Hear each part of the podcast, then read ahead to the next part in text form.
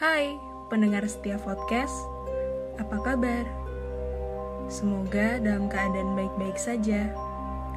Di sini gue Syafa, gue nggak sendirian. Ada partner gue, yaitu Kak Debbie. Ini kali pertama gue dan partner gue cerita tentang horor di podcast. Dan topik horor kali ini bercerita tentang kejadian-kejadian aneh yang dialami mahasiswa saat ngekos di Semarang. Episode pertama podcast misteri berjudul Di Balik Kamar Kosan. Jadi pastiin di seluruh sudut kamar kalian cuman ada kalian sebagai pendengar dan gak ada yang lain. Cerita ini diambil dari pengalaman teman-teman kita yang merantau dan dia ngekos di daerah Semarang. Gue pernah dengar cerita dari temen gue, uh, gue nggak perlu sebut nama temen gue itu siapa dan dia ngekos di daerah mana. Ceritanya itu dia lagi di kosan sendirian. Gak ada orang sama sekali di kosnya dia itu karena memang belum pada pulang dan memang kondisinya sepi banget. Terus tiba-tiba dia dengar suara keributan dari luar kamarnya dia gitu. Dan otomatis dia kaget lah, kan sepi, kok ada keributan. Terus akhirnya dia memberanikan diri buat ngecek keluar kamarnya dia. Tapi anehnya waktu dia ngecek, buka pintu kamar tuh, suaranya itu hilang. Dan waktu pintu kamarnya kebuka, di luar tuh nggak ada siapa-siapa guys. Ini bener-bener kayak kejadian janggal banget plus horor gitu nggak sih? Kayak dia ada yang neror tiba-tiba waktu dia lagi di kos sendirian dan posisinya itu malam-malam. Kalau gue jadi dia sih kayak ikut merinding juga sih, serem banget soalnya. Merinding banget ya sih teman-teman kawan cerita dari Kak Debbie. Mungkin di sini aku juga punya cerita dari teman-teman juga sih. Nah, kalian tahu kan, pasti ibadah sholat malam itu adalah salah satu ibadah yang cukup berat, notabene uh, untuk dijalani kalau menurut perspektifku, karena ya dari segi kita bangun, kita ambil air wudhu, kita sholat itu rasanya kayak berat gitu untuk dijalaninnya juga. Nah, teman kita ini dia memutuskan untuk sholat malam di suatu malam setelah dia ambil wudhu posisi kamar kos itu punya kiblat e, searah dengan jendela. Jadi otomatis dia kalau sholat pasti madep ke jendela.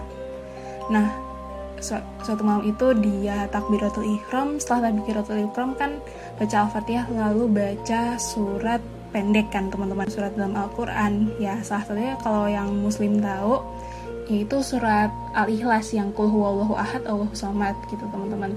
Habis itu tiba-tiba pas dia baca surat itu dia bacanya memang teman-teman tahu sendiri kan kayak panjang pendeknya mungkin kurang benar uh, mahoriju hurufnya nggak benar pengucapannya gitu-gitu. Tiba-tiba nggak ada nggak tahu ada apa di depannya dia di depan jendela ada sosok nenek-nenek lagi ngejekin dia baca surat ahli ikhlas kayak Allahu ahad Allah somat tengah malam nggak tahu kan kalian kayak tengah malam ada tiba-tiba ada suara nenek-nenek itu kan kayak nggak make sense banget teman-teman. Apalagi kayak kalian lagi sholat malam kayak merinding banget gak sih? Uh, jadi buat kalian ini tergantung kepercayaan juga sih kalian mau percaya atau enggak. Tapi kejadian-kejadian kayak gitu tuh bener-bener ada guys Nah, buat kalian yang belum pernah ngerasain dunia perkosan atau belum pernah ngerasain kos, mungkin buat anak-anak yang masih sekolah dan mau ngelanjutin kuliahnya mungkin di luar kota atau jauh dari orang tua, kalian ngekos itu dengan tujuan sebagai pendatang kan. Jadi kalian harusnya juga bisa jaga sikap, jaga perkataan, jaga perbuatan di mana pun dan kapan pun itu tempat baru kalian, kalian harus bisa jaga itu semua.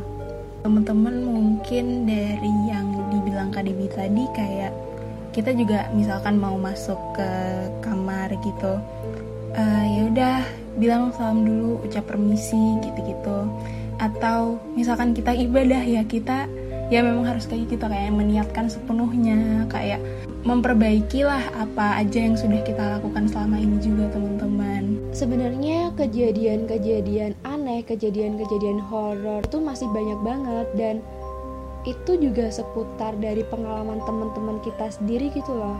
Di kosan dia kejadian horor masih banyak banget dan gak memungkinkan banget buat gue sama Safa ceritain ini di episode pertama semua jadi mungkin bakal bisalah diceritain di episode-episode Formas Misteri selanjutnya mungkin sekian dulu dari podcast misteri pada hari ini Sehat-sehat selalu semuanya, semoga dalam lindungan Allah. Dan sampai jumpa di episode berikutnya. Bye.